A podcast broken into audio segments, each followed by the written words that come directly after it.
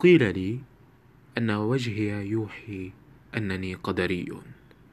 أي أن كل أموري خارجة عن سيطرتي. أن قوة أقوى مني هي التي تتحكم بمصيري. لكنني لم أعجب بذلك. ولا أخفي عنكم أنني خشيت خشيت أن أصبح بلا سيطرة أن يصبح مصيري كما يشاء كما تشاء تلك القوة. خشيت وأنا الشاب في مطلع ربيعي. أنا إبراهيم شمس وقد قررت أن أدخل عالم الصوت عالم البودكاست.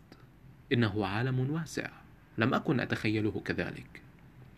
أطمح به وأطمح أن أصبح قاصا وأن أخبركم عن نفسي وعن مجتمعي. وعما يدور في رأسي وعما يدور حولي فأنتم المستمعون أنتم هدفي وأتمنى أن تعجبكم حكاياي.